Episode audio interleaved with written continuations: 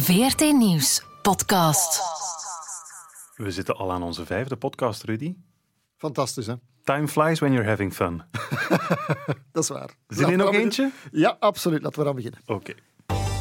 Franks en Bilo. Met Rudy Franks en Vincent Bilo. Welkom op onze maandelijkse afspraak, een podcast waarin we elke maand de temperatuur nemen van de planeet en dan vooral van de plaatsen waar onze planeet fameus koorts maakt. Daarvoor moeten we deze maand naar het grensgebied van Syrië en Irak, waar de eindstrijd tegen IS is ingezet. Rudy, jij bent eh, net terug uit dat Koerdische noorden van Irak en je hebt een paar eh, ja, ongemakkelijke vragen meegebracht, mag ik toch wel zeggen, over de gevolgen die het einde van IS heeft voor eh, onder meer ons land, hè? Ja, absoluut. Wat gaan we met al die mensen doen die daar zitten natuurlijk, hè? die van bij ons komen? Inderdaad. We gaan het ook hebben over het groeiende antisemitisme in Europa. Of die indruk hebben we toch? Of ze ook klopt, die indruk? Dat vragen we straks aan Herman van Goethem, de rector van uh, Universiteit Antwerpen, die als historicus gespecialiseerd is in jodenvervolging. We krijgen ook bezoek van uh, oppernerd Lieven Scheire. Die komt toelichting geven bij een toch wel opmerkelijk cijfer dat ik deze maand ben tegengekomen. Kan je nog een beetje in spanning houden, Rudy, maar je gaat grote ogen trekken. Ja, Ja. Heb ik er, weet ik er iets van? Ja, ik denk dat je er al wel eens van gehoord zal hebben, of misschien ook niet. Ik ben benieuwd. Het wordt, het wordt iets super interessant. En Rudy, ik leg jou straks natuurlijk ook nog een vraag voor van een van onze luisteraars. Alright. Wie trouwens zelf met een vraag zit voor Rudy of andere opmerkingen, altijd alles welkom op ons mailadres franks en bilo aan elkaar at vrt.be. Maar laten we toch maar beginnen met het hete hangijzer van het moment. Je zei het al, wat te doen met de Belgische Syrië-strijders nu IS definitief verslagen is. Hè? Ik overdrijf niet als ik zeg dat het het gespreksonderwerp van de afgelopen maand was. Hè. Wat moet er nu met die Syrië-strijders gebeuren? Het is een ongemakkelijke vraag waar geen pasklaar antwoord op bestaat. En dat merkte je ook aan de manier waarop de politieke partijen hier in België ja, toch een beetje worstelden om tot een coherent, weldoordacht standpunt te komen. Zometeen gaan we het nog hebben over de pro's en contra's van die verschillende strategieën die al geopperd zijn. Maar misschien toch eerst even, Rudy, de situatie ter plaatse. Want je bent net terug uit Irak. Hè. Je zat in het Koerdische oost, eh, noord, noordoosten van, eh, van Irak. Ja, juist, ja. Vlakbij Baghouz. Juist. En ja. dat is het stadje waar de laatste IS-strijders zich hebben teruggetrokken. Hè? Dat is een eh, plek, zo aan de, aan de Eufraatvallei heet dat dan, op het grensgebied tussen Syrië en Irak. Zo, hè. De Anbar-provincie. Echt wel het, het Sunni-hartland waar al 15 jaar lang eh, die duisternis van Al-Qaeda in Irak en uiteindelijk IS zich heeft genesteld. Ja, is dat laatste bolwerk nu ingenomen of niet? Want daar bestaat een beetje onduidelijkheid over. Och ja, volgens iedereen ter plekke is het, het militair is het verslagen. Je hebt een paar honderden vierkante meter, misschien enkele honderden strijders die er nog op het lijnde verschanst zaten. Maar ze hadden een levensschild van burgers, van gijzelaars rond zich.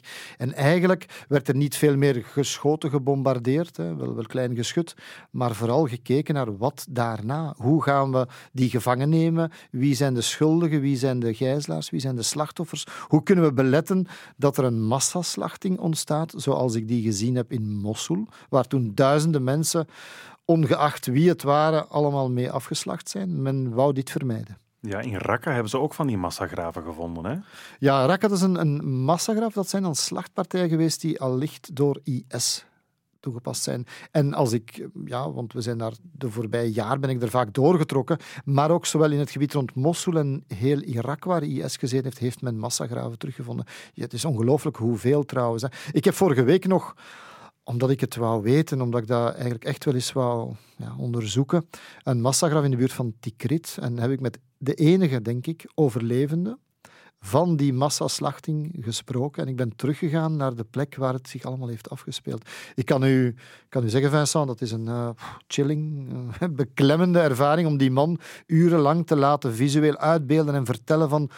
Hij barstte trouwens eerst in tranen uit toen hij daar kwam, hoe, hoe zo'n massaslachting eraan toe ging. En dan zijn we, en dat is het mooie, met hem gaan kijken hoe hij ontsnapt is en hoe hij uiteindelijk de rivier is overgezwommen om bij burgers van ter plekke, Sunni, die normaal IS zouden moeten steunen, Ja. volgens IS, hoe hij daar is ondergedoken geweest, hoe die zijn leven hebben gered.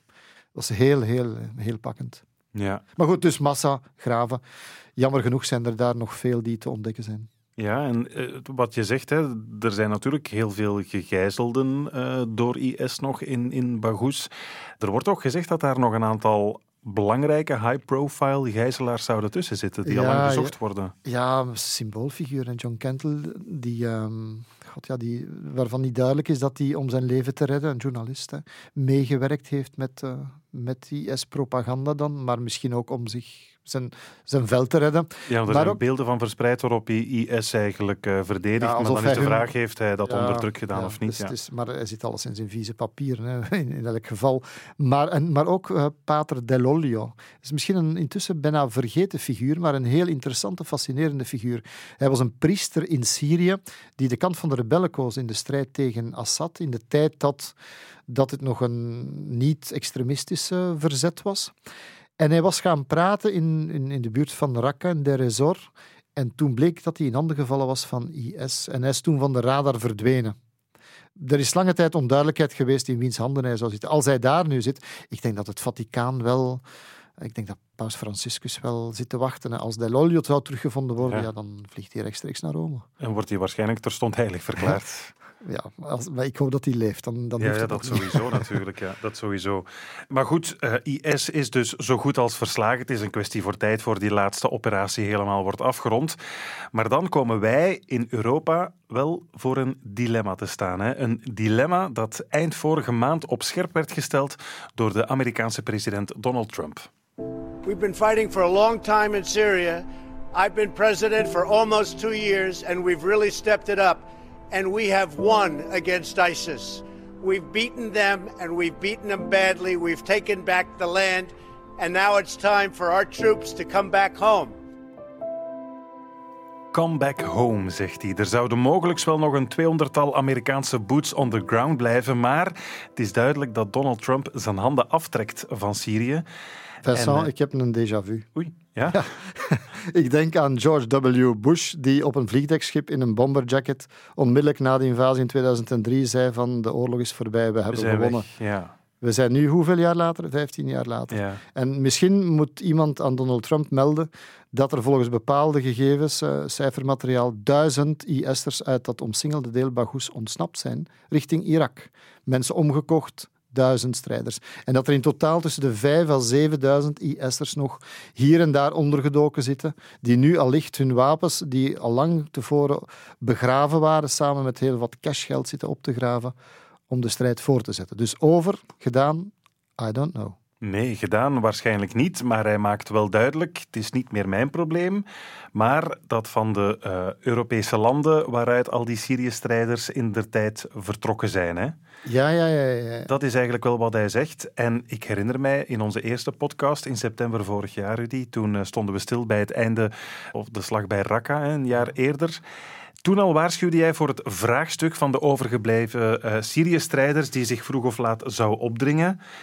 Ja, ik wil je nu niet onderschatten, Rudy, maar als jij dat een jaar geleden al wist, dan moeten onze politici dat toch ook geweten hebben. En toch heb je het gevoel dat die geweldig moesten improviseren, dat die geweldig worstelden met het bepalen van een standpunt van oei, wat gaan we nu inderdaad doen met al die, die Belgische Syrië-strijders? Ja, toen ik de, de tweet van Trump las, ik dacht van wow, dat is een steen in een kikkerpoel. Ja. En niet alleen voor, voor onze politici, maar voor heel, heel het Westen, heel West-Europa.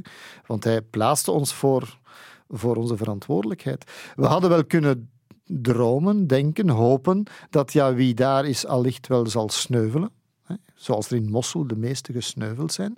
Maar blijkbaar in Syrië gaat het dan niet zo. En er zijn er heel veel die gevangen genomen worden. Dan had men gedacht van misschien zullen die daar wel berecht worden, wat in Irak wel gebeurt. En de doodstraf krijgen dan. Maar in Syrië weer niet. En dan toch zeker niet bij de Koerden. Ja, en nu zitten we ermee. Ja, zo kun je het inderdaad wel, uh, wel zeggen. Um, het is natuurlijk wel een beetje een catch-22, hè. Want laten we nu misschien gewoon eens de twee meest gangbare um, strategieën bekijken. Uh, optie 1 is ze naar ons land terughalen. Die Belgische Syrië-strijders, ze zijn hier vertrokken, we halen ze terug. Om ze hier te berechten. Maar ja, dat ligt natuurlijk heel erg gevoelig bij de publieke opinie, begrijpelijk. Hè? Want Ja, die, die ja. gasten hebben eh, ons land verlaten om een soort heilige oorlog te gaan eh, uitvechten elders in de wereld. En bovendien wordt het ook lastig om hun oorlogsmisdaden in, eh, in Syrië of Irak te verifiëren van hieruit. Hoe gaan, hoe gaan onze juridische diensten bewijslast verzamelen? Ja, en dan durf ik dan te onderstrepen dat Trump heeft misschien wel makkelijker praten, want hij heeft Guantanamo. Hè. Zij zetten zo hun gevangenen ergens buiten het territorium. Bewijslast hoeft niet, die zitten daar maar te zitten en die worden vergeten, min of meer. Hè. De vergeetput van Ja, Amerika wij, eigenlijk. Hè? Ja. wij doen daar niet aan. Als je aan ja, dus, dus zit je met een fundamenteel probleem. En ze naar hier krijgen met de bewijslast. Je kan zeggen, in België kunnen ze misschien vijf jaar, als ik me niet vergis, krijgen, omdat ze lid zijn van een terroristische organisatie. Er zijn er verschillende ook trouwens bij verstek veroordeeld daarvoor ja, al. dat is waar. Dus, maar ja, vijf jaar, wat, wat is dat in hemelsnaam? Ik kan mij best inbeelden inderdaad dat politici, ook, ook minister Jan Bon heeft nog net getweet dit weekend van ehm, ja, ik wil niet dat die, dat die vogels, zoals hij zegt, na drie jaar op vrije voeten lopen hier. Ja. En ik denk dat ongeveer elke Belgische inwoner dat ook vindt samen Dat met is hem. inderdaad dan de, de volgende vrees bij de publieke opinie. Als die vrijkomen, eh, geradicaliseerd en wel, ja, zijn dat dan geen tikkende tijdbommen die hier aanslagen gaan Maar vandaar dat je dus met het, het sleutelprobleem zit van ga je ze zelf berechten, ja of nee, maar hoe bewijs je wat er allemaal gebeurd is? Eh, We hadden het over de massagraven. Er zijn dus duizenden massagraven. Er zijn de onthoofdingen. Hè. Er, is de gruwel, de, de, de, de misdaden tegen de Jezidi-vrouwen en zo. Hoe bewijs je dat? Of moet je dat collectief gaan doen? Vandaar dat men al begint de idee te opperen van wat zou het zijn indien je een soort van internationale ad hoc rechtbank krijgt die die er een soort van proces van maakt, waar ook dat genocide, terreurmisdrijven eigenlijk de, de bewijsgrond wordt. Hè, dat het daarover gaat. En dan kan je, dan kan je, want dat is het interessante van die piste natuurlijk, dan kan je collectief alle bewijzen gaan inzamelen. Alle West-Europese landen samen. En zou alles volstaan om iemand te veroordelen omdat hij lid was van... wel, Dat je individueel telkens een soort van schuld kunt vaststellen. Mag, mag ik, ik ga een klein, klein verhaaltje vertellen. Ik heb, eh, en dat is een, een, bijna een symbooldossier geworden, Kocho. De mensen, een Jezidi-stadje in, eh, dat door IS veroverd werd, waar de mensen afgeslacht werden. Ik heb toen de drie overlevenden van Kocho, toen ze gevlucht zijn, kunnen interviewen en hun verhaal laten vertellen. Dat is doorgecijpeld in Human, Human Rights Watch, in, in Amnesty International. Dat is doorgegeven aan de advocaten, de mevrouw van George Clooney, Amal Clooney, die een rechtszaak, internationaal rechtbank, wil aankaarten over genocide tegen Jezidi. Ik heb mij altijd afgevraagd, hè, want de Jezidi-leiders willen die, dat, dat beeldmateriaal, die bewijzen, kan je bewijzen wie die mannen zijn? Want je moet in hoofden van, die daar gemaskerd met een machinegeweer mensen zitten af te slachten, Ja, kan je bewijzen wie dat waren? ja. nee. Of moet je het een collectief misdrijf noemen? En dan wordt iedereen op gelijke voet geschakeld. Dat is heel moeilijk, hè? ja. Dat is voer voor eh, juristen en dat is spitstechnologie. Ja. Maar goed, eh, tot zover de optie, we halen ze naar België en eh, we berechten ze hier. Optie 2, als je ze daar laat eh, berechten, dan ja, heb je sowieso al weinig controle over wat er precies gebeurt. De Koerden gaan het niet doen in, Sy- in Noord-Syrië. Ze hebben al verklaard, wij hebben daar de middelen niet voor. Het zijn onze mensen niet, wij gaan dat niet doen. Nee. Dus heb je de optie, ga je ze naar Irak brengen. Ja, Daar wordt vaak over gepraat. Kunnen we ze, dan zitten ze in een andere staat. Ehm, in Irak, die zijn goed bereid om iedereen die bij hen misdaden gepleegd heeft, want die hebben nu al duizenden IS'ers en vrouwen die ze berechten in Irak. Maar ik heb het nagevraagd toen ik daar was. Zij hebben een duidelijke richtlijn. Eh, Ze moeten hun misdaden in Irak gepleegd hebben. Of, kleine achterpoort, tegen Iraakse burgers of belangen in het buitenland. Er is, een klein, er is wat manoeuvreerruimte, omdat het kalifaat zich uitstrekte van, van Fallujah en Mosul in Irak tot in Raqqa in Syrië. Ja. Dus je zou kunnen zeggen, god ja, het is één groot territorium geweest, misschien dat er wel wat grijze zone is. Maar ik heb niet de indruk, de laatste week toch niet, dat men dat voor elke IS-strijder wil gaan doen. Dus we blijven met een probleem zitten. Ja, dus zij zouden wel bereid zijn om eh, IS-strijders die in Irak misdaden hebben gepleegd, om die te berechten. Ja. Maar dan stelt zich natuurlijk nog een volgend probleem, want dan riskeren ze in Irak de doodstraf. Ja, en dan is het toch wel een beetje de vraag of je dat kunt laten gebeuren als land dat gebonden is aan het universeel verdrag van de rechten van de mens, dat de doodstraf uitdrukkelijk verbiedt. Ja, er zijn al twee eh, Belgen die daar zitten, waarvan er één in de buurt van Mossel opgepakt is. Die is al ter dood veroordeeld, is in beroep gegaan. Um, daar heeft de Belgische overheid formeel gevraagd om die niet uit te voeren. Maar bon, dat zullen we zien wat dat geeft. En de andere wist ik nogthans redelijk zeker van, want ik heb zijn vrouw gezien, namelijk in Syrië. Is in Syrië opgepakt en is als bij mirakel ook in Bagdad terechtgekomen en wordt daar nu berecht. Zijn proces moet nog voorkomen, maar dat is mhm. toch een, toch een vreemde zaak. Ja. Ja, en die doodstraf gaat uitgevoerd worden. Wij gaan daar formeel tegen protesteren, maar ik denk, tja, ik, ik denk niet dat, daar, uh, dat dat met veel animo zal gebeuren dan. Nee, ik heb ook niet het gevoel alsof onze politici daarvan wakker liggen. Als ze dan daar de doodstraf krijgen, niet ons probleem, maar dan. Nu, ik, ik, nodig, ja, ik nodig u uit omdat we samen op straat gaan en dan willekeurig 100 Belgen gaan vragen of ze het daarmee eens zijn of niet. Hè. Doodstraf of niet. Ik denk als je nu een enquête zou voeren. Ja, ja mogelijk wel. Mogelijk wel. Maar als je natuurlijk in dat universeel verdrag zit, ben je dan niet een beetje moreel medeplichtig aan de doodstraf elders uitgevoerd? Ja, ik vind het, dat zijn zware woorden, hè, maar ik, ik, ik maak me eigenlijk in, in hoofdzaak zorgen over het feit, het gaat hem niet alleen over de doodstraf uitvoeren bij schuldigen, maar wat doe je met onschuldigen? En is elke gradatie van, van misdaad daar even erg? Mhm. Je hebt degenen die de oorlogsmisdaden gepleegd hebben. Of was het al voldoende dat je ervoor gekozen hebt om naar Ginder te gaan?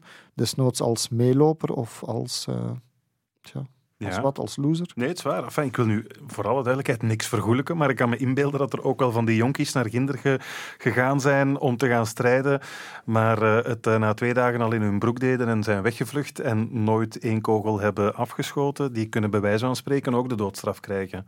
Zonder ja, het nu te willen ja. vergoelijken, voor alle duidelijkheid. Hè, wat er ja, nee, nee maar je zit, je, zit met een, je zit met een probleem. Eigenlijk is het ook in, in essentie voor, ook een, een probleem als samenleving. Hè, voor, waar sta je voor? En, en welke, welke normen hanteer je van recht in deze? Als je de politici hun reacties zo wat bij elkaar puzzelt, dan komt er toch een bepaald patroon naar voren. Hoe meer er ginder zouden kunnen... Eigenlijk moeten ze ginder blijven. Als dat niet lukt, want Trump stelt ze voor, de, voor hun eigen keuze, mhm. dan hoe meer er ginder berecht kunnen worden, hoe beter. En dan is het, hoe meer in Irak berecht kunnen worden, nog beter. Ik denk dat men aan het trancheren is. Die gaan daar blijven. De echt zware gevallen maak u geen illusies, die gaan we sowieso niet te zien krijgen. Die gaat Trump wel in zijn eh, persoonlijke Guantanamo steken of in een of ander detentiecentrum in, in Irak gaan die verdwijnen. Dus die gaan we niet zien. En zo gaat er weer een groep weg, weer een groep weg. En dan ga je overblijven met wat mijn Iraakse contact zei van ja, de kinderen die gaan we bij de ambassade moeten afzetten, bij manier van spreken. En de vrouwen, dat wordt dan het moeilijke geval. Wat gaan we daarmee doen? Ja. Gaan we die teruggeven en hoe? Via Irak. Ja. En dat, dat gaat de keuze zijn. Men gaat dat dus herleiden tot... Als je off the record hoort, dan denk ik over hoeveel mensen gaat het. Ik heb eens uitgeteld, in Baghouz zou er misschien een 21-tal Belgische mannen, vrouwen en kinderen nog bij elkaar gezeten hebben. En dan zit er nog een, een enkele tientallen kinderen in de kampen al in Syrië, tussen de vier à zes mannen. Belgische mannen. Dus het gaat niet over zo vreselijk veel mensen natuurlijk.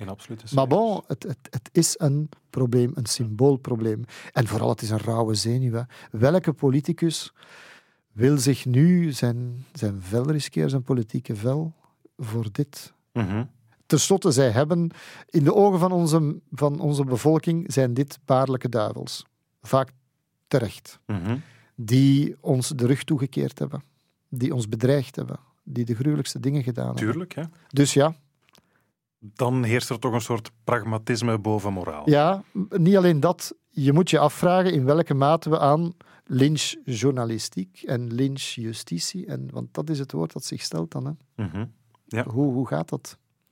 Wat ik me ook afvraag is dat nu, want het is wel een hele specifieke, speciale situatie natuurlijk, hè, waar we nu voor staan. Is dat uniek dat landen geconfronteerd worden met strijders die ja, in een andere werelddeel oorlog, oorlogsmisdaden hebben begaan? En ja, hoe moet dat daar dan mee verder en hoe moet die berecht worden? Ja, we hebben vaak de neiging om te denken dat dit uh, uniek en nieuw is en dat we er nog nooit mee geconfronteerd zijn. Want de oorlog is nu dicht bij huis gekomen, hè, van naar Ginder gaan vechten en terug. Ja, De terreuraanslagen. Mag ik herinneren aan uh, de Spaanse burgeroorlog, de jaren dertig. Er zijn Belgische gardisten gaan vechten samen aan de, aan de kant van de Republikeinen, verloren. En er zijn Belgen gaan vechten naar het Oostfront. Dat over hoeveel mensen ging dat niet? Ja, en dan waren er over veel meer, als ik me niet vergis. Duizenden. Hè? Ja, ja. ja, dat waren dan ook onze jongens die daar gingen strijden. Hebben ook verloren trouwens. Alleen, belangrijk onderscheid, hebben nooit ons land zelf bedreigt. Zijn nooit met dreigementen afgekomen en met daden van terreur om onszelf Mhm. niet aan te doen. Hoewel je van collaboratie in de oorlog toch ook wel het een en het ander kan zeggen. Dat is waar. Het zijn boeiende tijden in deze snel veranderende wereld. En het is goed om te beseffen dat er voor complexe problemen geen kant-en-klare oplossingen bestaan. Dat niet alles zwart weer, zwart weer, zwart weer, dat niet alles eh, zwart. Alledig. Hoe, hoe zeg je dat nu? Ik zou denken zwart-wit. Zwart-wit, ja. Dat veel grijs is, dat wou ik eigenlijk vooral zeggen. Dat veel grijs is. En dat, eh, Ja. dat we als Europese landen misschien toch maar beter eens goed nadenken over wat we daar nu allemaal mee gaan doen. En trouwens, Rudy, ik heb eh, onlangs ook nog positief nieuws gehoord uit Syrië. Een getal apart. Je weet dat ik tussen alle onheilstijdingen toch ook altijd op zoek ben naar signalen van hoop en vooruitgang. hè. Een statistiek die ons een lichtpuntje kan bezorgen. En zo kwam ik dus een cijfer tegen deze maand uit Syrië, waar ik van opkeek. En op een positieve manier. Dat cijfer is, hou je vast, 155.000. Want zoveel zaden zouden er opgeslagen liggen in de zadenbank van Aleppo. Ooit al van gehoord, Rudy? Nee, absoluut niet. is voor alle duidelijkheid geen spermabank, maar dus een bank met zaden van planten en gewassen. Die zadenbank van Aleppo zou zo'n beetje de grootste van het Midden-Oosten zijn en beschikte over een, eh, ja, een soort backup voor de belangrijkste flora van de wereld, als ik het helemaal goed begrepen heb. Ik wist eerlijk gezegd ook niet eh, dat er zoiets bestond als zadenbanken, maar één iemand weet dat natuurlijk wel, simpelweg omdat hij alles afweet van natuur en wetenschap, en dat is Lieven Scheire. Dag Lieven. Een goede dag. Heb ik dat een beetje eh, goed omschreven? Een soort genetische backup voor alle belangrijke planten en gewassen. Is dat wat een zadenbank is? Ja, en ja, zadenbanken spitsen zich vooral op landbouw toe. Hè. Het is, dus ja, meestal heeft dat wel een functionele kant. Dus dat de landbouwgewassen bijgehouden worden, omdat door de, de vergroting van landbouwbedrijven, door de, het efficiënt maken van landbouwbedrijven, zijn er veel en veel minder soorten. Ehm, je, je hebt dat niet alleen bij het levend erfgoed, bij, bij het vee en bij de, bij de kippen. Vroeger had elke streek zijn eigen soort kip. En nu heeft heel België dezelfde meest efficiënte vlees- of legkip. Ehm, hetzelfde met appelbomen. Dat is een voorbeeld dat vaak gegeven wordt. Ja? Eh, Vroeger waren er honderden soorten appelbomen in België. En nu zeker de, de, de landbouw, de fruitteelt, die beperkt zich tot een paar soorten die het, die het De heel pink lady. Ja, inderdaad. Ja. Ehm, goed, je kan er allerlei ideologische dingen over zeggen. Het is gewoon een economisch feit. Maar het houdt ook een gevaar in als zijnde, als je met een monocultuur werkt en er duikt plotseling een ziekte op, dan is, ja, dan, dan is de hele soort kwetsbaar, omdat ja. je zoveel dezelfde dingen hebt. En dus die variatie die je vroeger had, als er één soort het lastig had, dan deed een andere het goed, die was aan het verdwijnen. Dus wereldwijd heb je bijna in alle grote universiteiten die ermee bezig zijn, die hebben een opslag van oude vergeten soorten die zij toch willen bewaren. Ehm, goh, een bekend voorbeeld is de, de druifluis. De die ooit- druifluis. ja, de druifluis heeft ooit bijna het, het volledige Europese druivenbestand uitgeroeid. Oei, catastrofaal voor de Franse wijnsector, bijvoorbeeld. En wij zijn toen gered door eh, Amerikaanse druiven. Jij bent een wijngaardier, denk ik. Ja, zo'n beetje wel. Ja. Vinoloog. Ja, ja, ja, ja. Van gehoord ooit van die grote plaag? Nee, maar is het dan de, de Primitivo-druif die bijvoorbeeld naar eh, de Zinfandel geworden is in, in Californië? Is het? God, de specifieke namen ken ik niet, maar dus alleszins Oh, die, is de... daar, die is daar bewaard gebleven en Ja. teruggekomen. De Amerikaanse eh, wijngaarden hebben de Europese toen opnieuw bevoorraad van, van nieuwe druiven. En dan kan je je afvragen van goed, toen hadden we nog twee continenten eh, die meer gescheiden waren. Ik spreek over midden 19e eeuw. Ah, ja. Tegenwoordig eh, merk je dat, dat ehm, insectenplagen heel snel de grenzen oversteken via de export. Dus dat is een reëel gevaar dat er plotseling een belangrijke landbouwgewas ten prooi valt aan een verwoestende ziekte. En dus daarom, en ook omwille van het wetenschappelijke, worden heel veel zaden bijgehouden als backup. Dus dan kun je die letterlijk uit de databank plukken en opnieuw beginnen zaaien. Ja, Dus voor onze veiligheid wereldwijd zat de zadenbank in Aleppo. Wel, Ja. eh, Aleppo is een lokale zadenbank. Hè, maar ik, als ik het goed begrijp, had Aleppo ook al een belangrijke functie in de hele regio. De Universiteit van Gent zal hoogstwaarschijnlijk ook een zadenbank hebben. Ehm, in Londen is een van de grootste van Europa. Maar ehm, ze hebben dus de, de, de grote symbolische zadenbank in Spitsbergen opgericht. Dat is een soort mythische plek. De, de, de- ze, ze noemen die wel eens de Doomsday Vault Omdat die zadenbank opgericht is met het idee van, kijk, ehm, dit is de backup van de backup. Stel dat er iets gebeurt op zo'n universiteit, uh, oorlog, natuurramp, um, uh, technische fouten, gelijk wat. Stel dat er iets gebeurt, dan is de backup weg. Ja, ja, ja, precies. Dus dan is de lokale backup weg. Dus ja, eh, net zoals bij de computer, heb je een extra backup nodig. Toen dachten ze, kijk, we maken in Spitsbergen maken we gewoon een heel diep gat in de grond, waar het altijd min 4 graden is. Ja. Dat hoog genoeg ligt om door stijgende zeespiegel in de toekomst uh, niet beïnvloed te worden, waar geen aardbevingen zijn, uh, ver van alle militaire conflictgebieden. En dus in Spitsbergen staat die Doomsday Vault, die dus bestand zou moeten zijn tegen ook wereldwijde natuurrampen, maar die nu ook al gebruikt wordt als backup van de backup als er ergens een zadenbank het zwaar heeft en zelfs uh, verlies leidt van zaden, zoals in Aleppo ook gebeurd is. Ja, ja want Spitsbergen, um, dat ligt toch ergens tussen Noorwegen en IJsland in zo? Tussen Noorwegen en de Noordpool eigenlijk. Ja, dus, uh, en dus ja. ze, ze hebben specifiek die plaats daarvoor uitgekozen? Ja, dat was de Noorse regering, heeft dat eigenlijk volledig op eigen initiatief, een soort humanistische reflex, hebben ze dat daar uh, gebouwd. Um, en ze hebben dat opengezet voor alle zadenbanken ter wereld en hebben gezegd van kijk, die backup die jullie liggen hebben, kweek daar eventjes mee verder, zorg dat je nieuwe zaden hebt en die mag je bij ons gratis opslaan. Um, er zit een hele juridische kant ook aan. Um, de, de persoon die de zaden levert, blijft daar eigenaar van. Niemand anders mag die daar uithalen. Uh, mensen die die zaden willen, kunnen dat enkel aanvragen via de lokale eigenaar. Dus als je zaden wil van de zadenbank van Aleppo uit de Seed Vault in Spitsbergen moet je via Aleppo gaan. Je mag nooit rechtstreeks aan de Noorse beheerders vragen uh, om dat eruit te halen. En iedereen ligt daar. Daar liggen Noord-Koreaanse zaden. Het is, het is een van de voorbeelden, vind ik, waarin wetenschap vaak wereldpolitiek overstijgt. Hè. De, de Russen en de Amerikanen komen nergens beter overeen dan in het ISS. Ja. Het is bijna onvoorstelbaar dat, dat die twee naties nog een zo hoogtechnologisch samenwerkingsverband hebben. En dat is hetzelfde in die zadenbank in Spitsbergen. De Noord-Koreaanse liggen daar naast de Amerikaanse. Het is een soort uh, florale ark van Noah eigenlijk.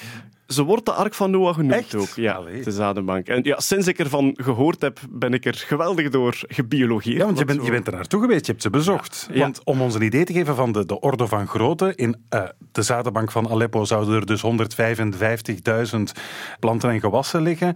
Hoeveel zitten er in, uh, in Spitsbergen, in de zadenbank? Ik heb eigenlijk geen idee van het aantal, maar ik denk dat van alle grote zadenbanken er sowieso intussen een backup ligt. Dus het moeten er meer zijn. Ja, het zijn er sowieso. Het zijn, denk, al die zaden van Aleppo liggen ook in Spitsbergen, ja. sowieso. En ja, ik was in Spitsbergen voor, voor een, een wetenschappelijk scholenproject. Uh, maar de, de zadenbank ligt naast de luchthaven. Dus het moment dat je landt, het was ook in de winter, het is dan altijd donker eigenlijk. En je komt naar beneden met het vliegtuig en je ziet die ingang staan en daarboven hebben ze een soort groen veranderend licht gezet, een kunstproject. Dus terwijl je neerdaalt naar die ijsmassa van Spitsbergen, zie je daar dat groen ding oplicht en dan zie je die mythische ingang van die zadenbank. Je kan er gewoon naartoe wandelen, niets van bewaking, helemaal niet. Maar de deur is wel goed dicht, dus je geraakt daar niet binnen. Zelfs Hillary Clinton was ooit op bezoek in Spitsbergen en die zei, mag ik eens naar de Amerikaanse zaden gaan kijken? En de beheerders zeiden nee. En ze is daar nog steeds kwaad over, wordt, uh, wordt gezegd. Ja. Ja. Um, de zaden van Spitsbergen zijn zelfs heel lang um, onnodig geweest, alleen niet gebruikt geweest. Dus dat is heel lang echt gewoon een garantie geweest waar nooit iets mee gedaan werd. Tot dus in Aleppo ze echt originele zaden verloren zijn. En dat is de eerste keer dat dat ding zijn nut gehad heeft, is door effectief terug te leveren aan Aleppo, hun zaden terug te leveren, die ze daar weer opgekweekt hebben, zodat er opnieuw een eerste en een tweede backup is. Dat is dus gebeurd. Ze ja. hebben er teruggebracht. Ja, ja ze hebben, Aleppo is, is het eerste, de eerste zadenbank die actief teruggevraagd heeft van Spitsbergen, omdat ze hun originele... Wanneer hebben ze dat dan gedaan? Want... Ah nee, juist. Als ik het me goed herinner, hebben ze de zaden uh, teruggevraagd vanuit een andere locatie. Ik denk dat dus... Aleppo was eigenlijk... Ja, er was geen controle meer ja, van die backup. En ik geloof dat ze dan in Egypte de Aleppo-zadenbank gekopieerd hebben. En die zal nu dan waarschijnlijk terug naar daar zijn, als de toestand al stabiel genoeg is. Dat is uw, uh, dat is uw branche natuurlijk. ja. ja. Nu, ik ben eens gaan, gaan zoeken en die zou nu liggen niet in Aleppo zelf, de zadenbank, maar in Tel Adia. Dat is, Tel Adia, dat is een, een plek enkele tientallen kilometers buiten ten westen van Aleppo. Nu, het is heel onduidelijk, voor mij nu nog, onder wiens controle dat valt. Want dat is een gebied dat, je hebt het regeringsleger van, van Assad, maar je hebt dan ook nog het gebied dat in handen is van, van de rebellen in Idlib, van Al-Qaeda en zo. Dus het is mij niet helemaal duidelijk of die zaden nu onder controle van Al-Qaeda liggen, ja. dan wel van Assad. Wel, als je, als, je, als je het zo beschrijft, dan zal inderdaad die backup nog steeds niet terug in Aleppo zijn. Die zal nog steeds beheerd worden in een stabieler gebied.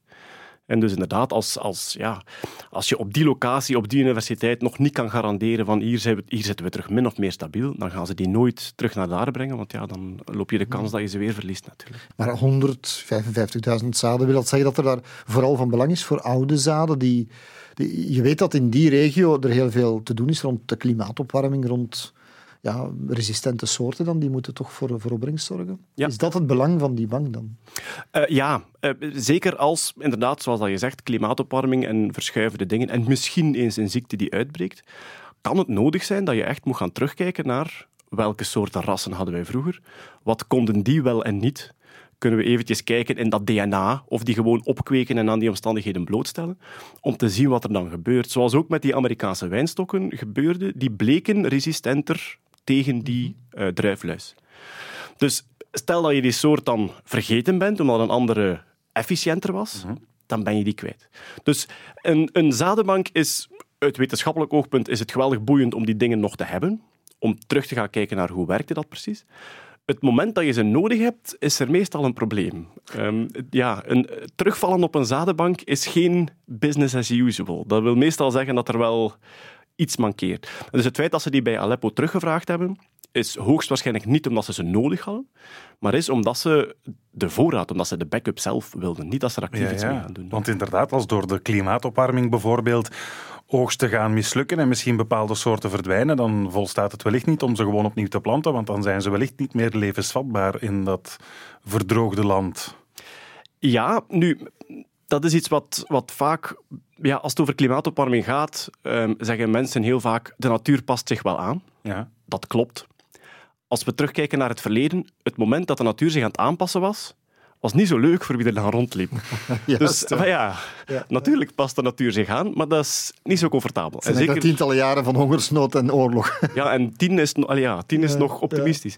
En als je kijkt naar, ons, naar onze huidige samenleving, als je kijkt naar het aantal mensen dat er rondloopt op de wereld en naar ja, de manier waarop die nu gevoed worden, zijn wij misschien het meest kwetsbare ecosysteem. Dus als je, als je echt uitgaat van we willen onze huidige welvaart behouden, dat is een kwetsbaar iets. Mhm. Dus als landbouwgewassen beginnen verschuiven door klimaatopwarming en streken die een traditionele landbouw hebben, die daar de infrastructuur voor hebben, die daar de know-how voor hebben enzovoort, moeten zich plots gaan aanpassen.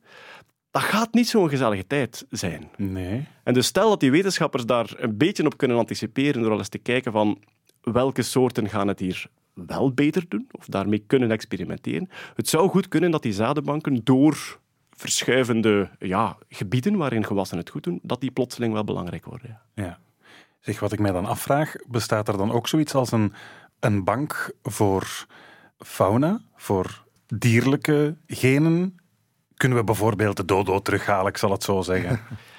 Ehm, er, is geen, uh, er is geen massale opslag van oude diersoorten. Die worden, ja, die worden bij voorkeur levend bewaard.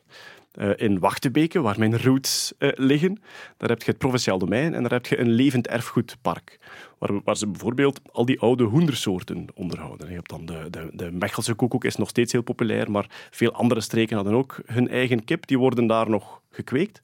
Ook bepaalde veesoorten worden daar gekweekt. Um, op dit moment begint dat meer en meer te gebeuren. Hè. Dus omdat we, omdat we ook dierlijk zaad kunnen invriezen en bewaren, omdat we ook DNA kunnen sequeneren. Uh, wat er wel, wat er wel goh, een hot topic is tegenwoordig in de genetica, is het, uh, ja, het zogenaamde uh, de-extinction. Het ontuitsterven van dieren.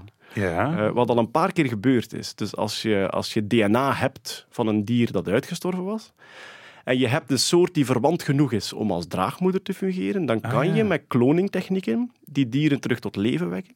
Dat is onder andere bij een bepaalde uh, Iberische bergheid gebeurd, een Spaanse bergheid. Die soort was uitgestorven, maar er was nog een verwante soort en die hebben ze ja, in een de-extinction programma gestoken.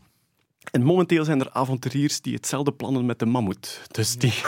Kunnen we dan een soort van Jurassic Park gaan krijgen? Wel, helaas... Dat is een film. Ja. wel, helaas is, uh, is DNA vervalt een beetje van zichzelf door een traag chemisch proces. En dus eens dat je verder dan een miljoen jaar zit, kan je er niks meer mee. Dus de dinosaurussen sommigen beginnen heel futuristisch te denken en zeggen van, goh, onze huidige vogels zijn nakomelingen van de dino's. Misschien kunnen we daar stukken dinosaurischem terug in activeren. Het gebeurt hè, dat er een gemuteerde kip met tanden geboren wordt, bijvoorbeeld. Dus oud dino-gen. Dat, er terug plots nog eens doorkomt. Ja. En hoe lang was het geleden van de Neandertaler? De Neandertaler, daar hebben we het volledige DNA van. Dus eigenlijk kunnen we een Neandertaler... Een Wij Neandertaler... zijn halve Neandertalers. Ja, hè? Dat een is beetje, nee, ondertussen 10, geweten. 5 of ja, 10 ja, procent ja. of zo. Allee, van gedrag misschien best anders. Ik persoonlijk 3,2 procent. Ja. Ik ben getest. En de meeste mensen, Europese mensen, tussen de 2,5 en 3,5. In Afrika dachten ze vroeger niemand, maar wat blijkt, ehm, na de vermenging van de Homo sapiens met de Neandertaler, is er toch nog oversteek geweest, terug naar het zuiden. Dus er is ook veel minder dan Neandertaler gen in, in Afrikaanse bevolking terug te vinden. Maar Dus ehm, het zou kunnen, een- een 100% Neandertaler is, behoort tot de mogelijkheden. Nog niet. Ehm, omdat, eh, om een of andere gekke reden, is het klonen van apensoorten, zoals de mens, technisch veel moeilijker dan paarden, honden, geiten, olifanten. Eh, dus zoogdierenklonen gebeurt aan de lopende band. Heel veel paarden in de paardensport zijn gekloond. Je kunt je hond laten klonen als je wilt. Ehm, er wordt gigantisch gekloond met zoogdieren. Maar bij mensen is het moeilijker. Ehm Hetty heeft het mij ooit uitgelegd, Hetty Helsmoortel. Ehm, het heeft iets te maken met het, het- de epigenetische overgang. Dus op ons DNA staan er nog kleine schakelaartjes die sommige stukken aan en uitzetten. En bij het klonen van mensen of primaten loopt dat mis. Het is nu wel gelukt. Vorig jaar hebben ze eh makaken gekloond in China. Die bleken niet geheel gezond, maar ze werden wel al geboren. Dus dat was al een, succesje. Maar dus met, ehm, met mensachtigen is het moeilijker. En je zit uiteraard ook met de gigantische ethische rem op het klonen van eh, mensen of mensachtigen. Ja, ja, natuurlijk, sowieso. Eerste mammoet, daar kijk ik naar uit. Ja, ik ook eigenlijk. En de dodo, dat zou ik toch ook leuk vinden. Zo'n grappig beest, toch? Ja, goed ja. De dodo was ook een beetje... Ja, En dus de eerste man moet in. Hè. Ja, wie weet. Breng Mark niet op ideeën.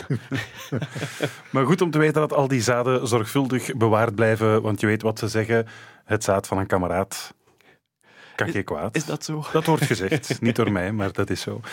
In ieder geval heel erg bedankt eh, voor de boeiende en verhelderende uitleg, lieve Scheire. Met plezier. Franks en Bilo. Trekt er een nieuwe golf van antisemitisme door Europa of is het misschien gewoon nooit weg geweest? Het is een vraag die ons al een tijdje bezighoudt, hè Rudy? Absoluut. Want er zijn al maar meer tekenen toch dat Joden weer ja, al maar vaker het mikpunt zijn van haat en zelfs onversneden racisme. En daar kwam vorige maand dus nog een opvallend incident bij. Het gebeurde tijdens een zoveelste betoging van de gele hesjes in Parijs. De Gilets jaunes die botsen in de straten van Parijs toevallig op de Frans-Joodse filosoof Alain Finkielkraut en die wordt ogenblikkelijk belaagd en uitgescholden.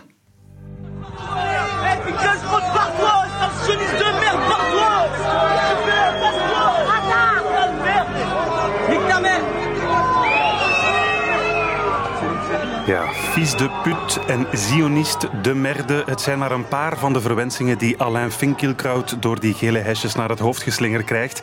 Ja, de Franse filosoof die was ironisch genoeg eigenlijk eerder een sympathisant van die gele hesjesbeweging, maar blijkbaar, of dat is de vraag natuurlijk, hebben zich onder die gilets jaunes ook betogers gemengd die er ja, bepaald antisemitische gevoelens op nahouden.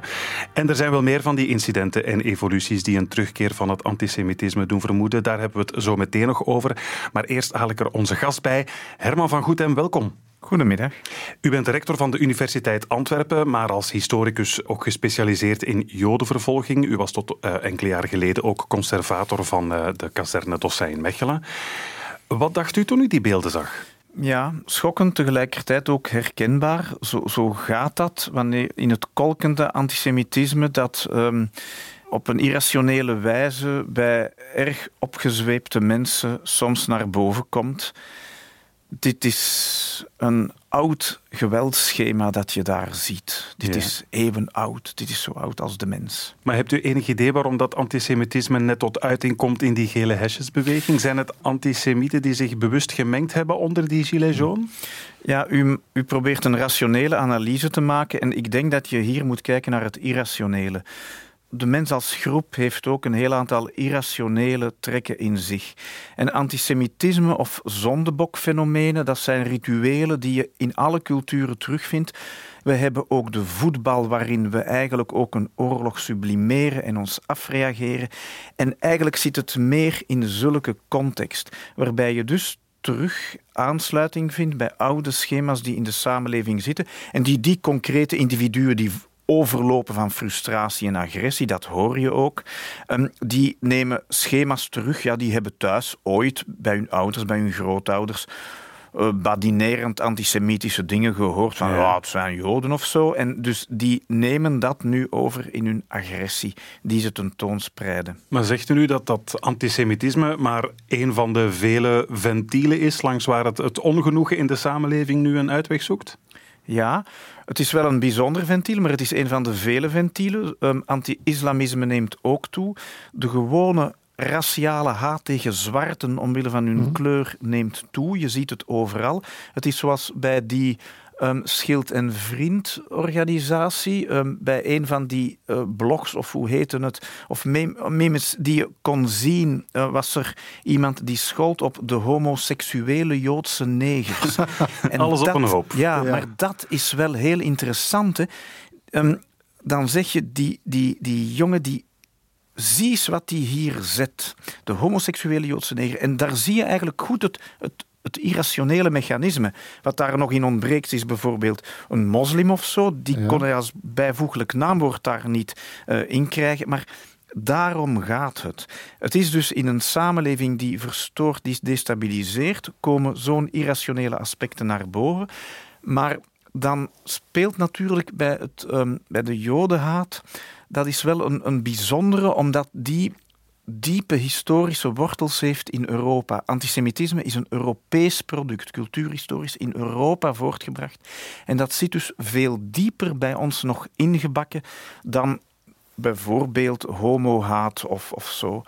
En um, het heeft bovendien geleid tot een genocide en dat was toch ook in Europa. Ja. Mm. Maar kan het dan dat die onderbuik, want het, het gaat hem eigenlijk over de onderbuik, die dezelfde gevoelens die tegen moslims of tegen negers, zoals zij dat dan noemen, ja. of tegen joden, dat diezelfde onderbuik andere uitingen krijgt, maar dat dat bij de Joden, het antisemitisme, dat dat bijna onbewust veel dieper zit op een ja. of andere manier. Het zit cultuurhistorisch dieper en het is ook ingebakken in een groot politiek conflict, met name rond Israël en de Palestijnse kwestie, wat een heel een versterkende factor is die dit dossier nog meer draagt. Ja, want als ik terugblik voor de voorbije twintig jaar, zeg maar.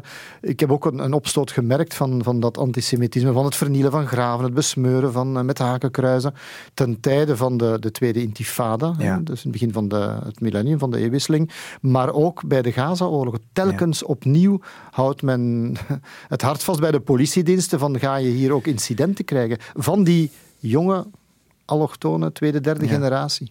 Ja, um, de, dus antisemitisme hangt dan ook samen met anti-Zionisme. Het is niet hetzelfde. Um, anti-Zionisme is dan eigenlijk tegen het bestaansrecht van de staat Israël. En dan heb je nog um, de politieke contestatie van Israël. Dat zijn allemaal verschillende dingen. Maar in de Gazastrook zit alles in één cluster. Ja. En je zou eigenlijk kunnen zeggen van de Gaza, dat is wat de voerstreek van de wereld. Um, de Gaza wakkert op op het moment dat het grote internationale conflict, waarbij de Arabische wereld zich enerzijds profileert en anderzijds ja, de westerse blanke samenleving, op dat ogenblik wakkert de Gaza op. We hebben de Gaza weinig gehoord de voorbije jaren, omdat de aandacht naar een Arabisch-Arabisch conflict rond Syrië verschoven is.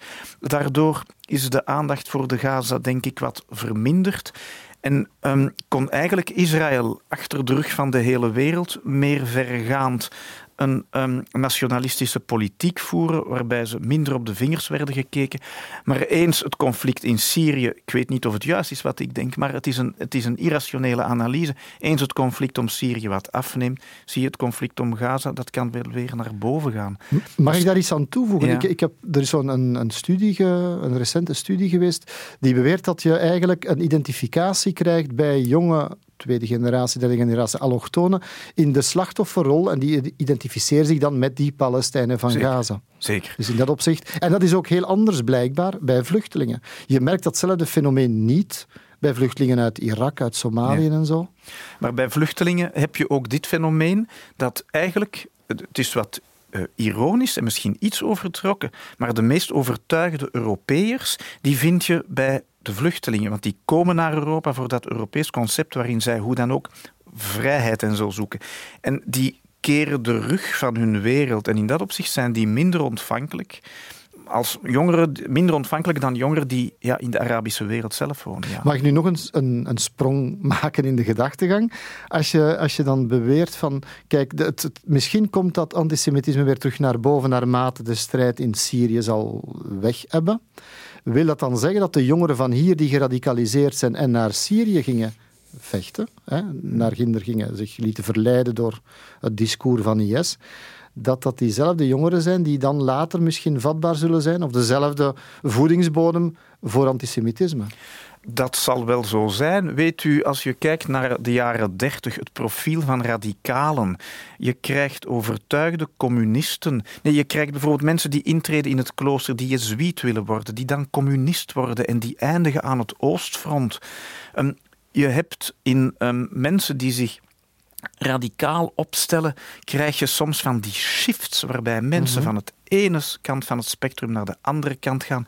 En dat lijkt niet rationeel, maar het is ook niet rationeel.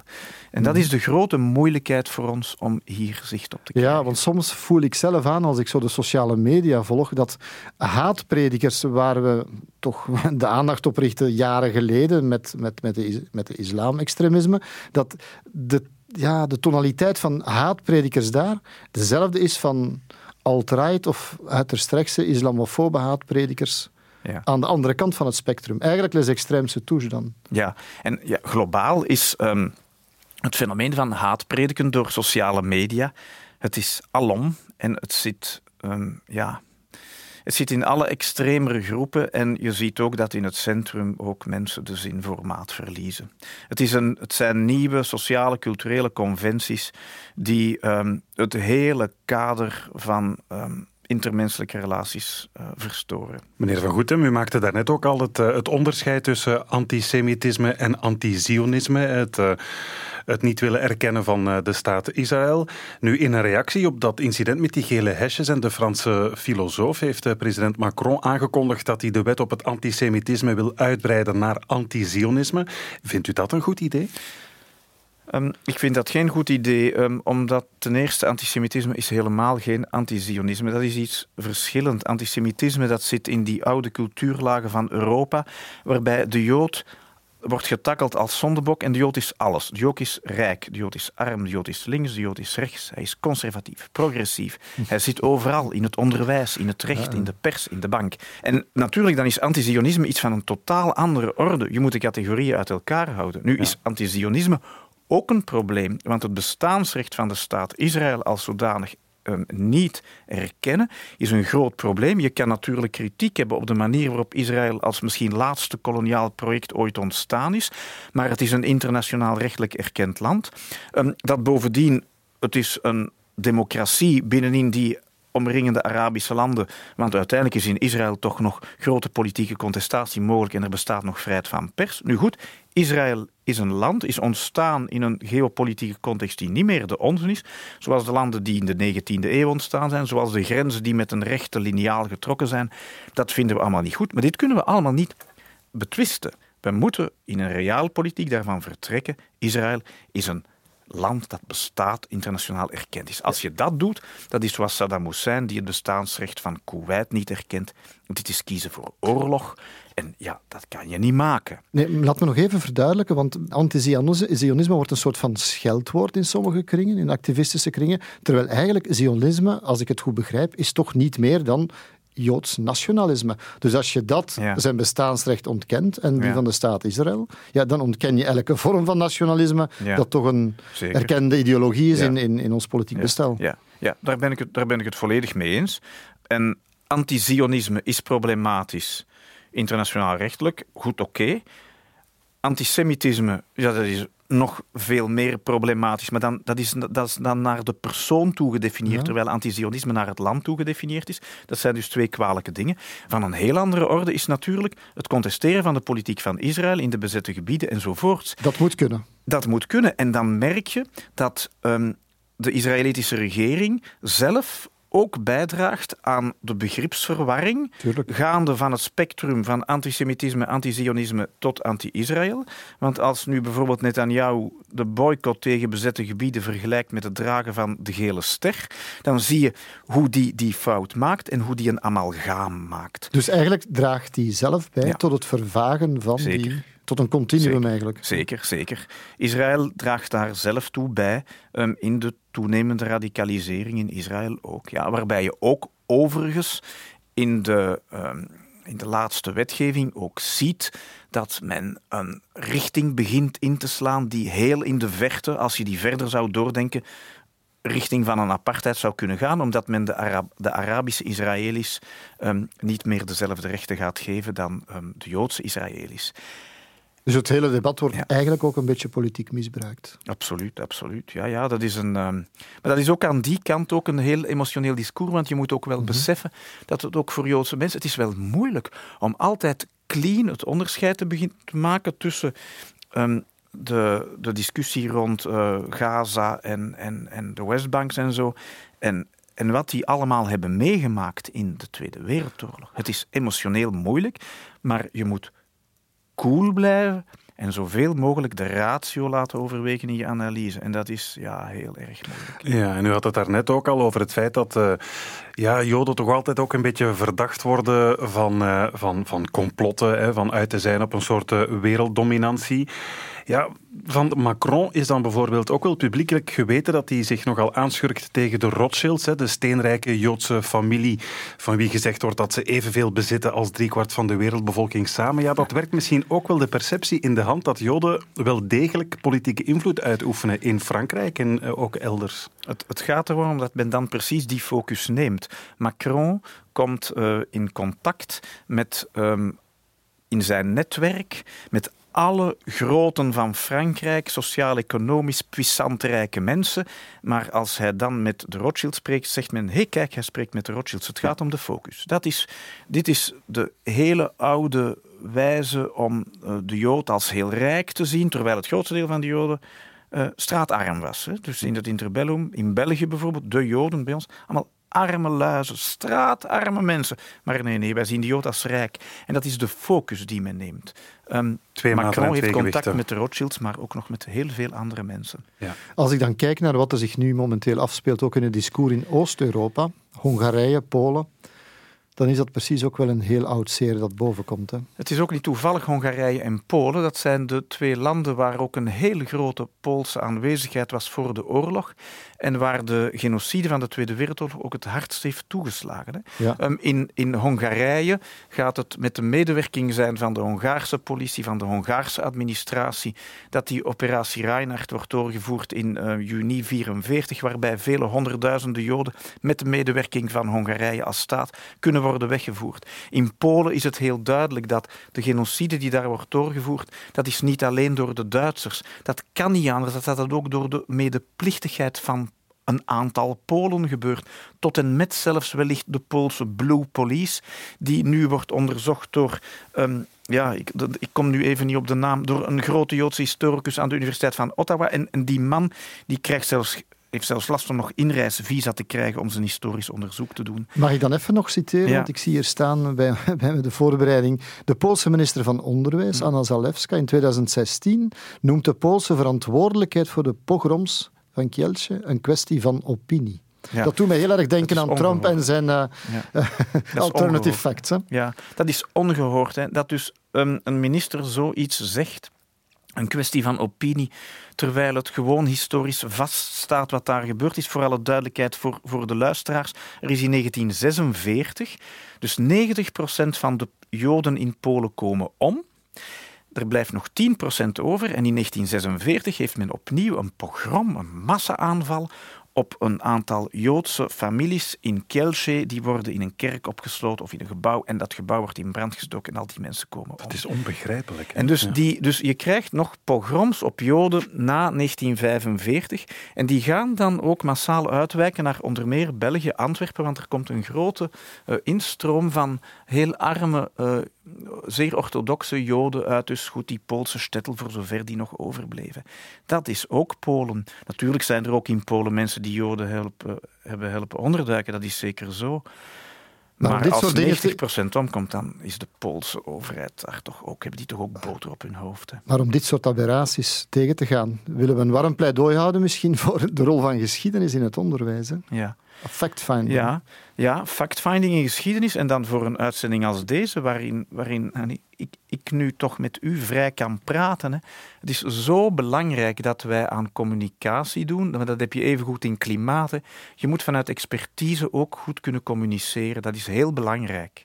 Ehm, en daar is nood aan. En dus wij als, als wetenschappers, als onderzoekers aan universiteiten, wij moeten dus ook wel oversteken en in de mate waarin we dat kunnen, want dat is niet iedereen gegeven natuurlijk, ook in het debat gaan en op grond van feiten en onderzoek mee in het maatschappelijke debat proberen om bij te dragen aan een minder polariseren van de samenleving, aan een meer rationele analyse op grond van argumenten, waarbij je ook goed kan luisteren naar de overzijde. Dat is wat wij moeten doen, ja. En, jullie hebt ook als journalisten. Ja, en dat hebt u vandaag voortreffelijk gedaan, overgestoken tot in de podcast van eh, Rudy en mezelf, om inderdaad dat debat eens terug te brengen tot de feiten en niet maar enkel gevoelens, want dat is inderdaad wat er eigenlijk op dit moment gebeurt. Er wordt alleen nog maar gedebatteerd op basis van gevoelens en niet meer op basis Ja. van feiten. Hè. Inderdaad, inderdaad. Dat is een democratie en dat is, eh, daar moeten we heel erg voorzichtig mee zijn. Nog even zeggen, Rudy, dat Team Franks in aanloop naar de Europese verkiezingen de verkiezingskoorts gaat opmeten, ook Ja. in Oost-Europa, en dat dit zeker een van de grote aandachtspunten zal zijn. Absoluut, dat dat zijn van de dingen die mij, die mij... Het populisme in het zuiden, bijvoorbeeld Italië, maar zeker ook wat in Hongarije en Polen speelt. Ik, ik wil dat wel eens aan een lijve gaan bekijken. Ik zou willen meegaan, maar dat gaat niet. Het mag eh, duidelijk zijn dat we uit het antisemitisme van het verleden niet altijd genoeg leren om eh, dat verleden niet opnieuw te laten herhalen. Eh, Herman van Goethem, heel erg bedankt voor uw tijd en voor de meer dan verhelderende duiding. Dank u wel.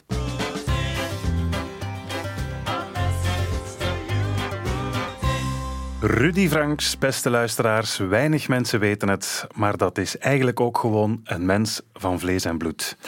Met echte gevoelens en met echte emoties. Niet overdrijven, hè, Vincent. Om die prachtige specie van de menselijke soort beter te leren kennen, kunnen jullie hoogstpersoonlijk een vraag stellen aan Rudy.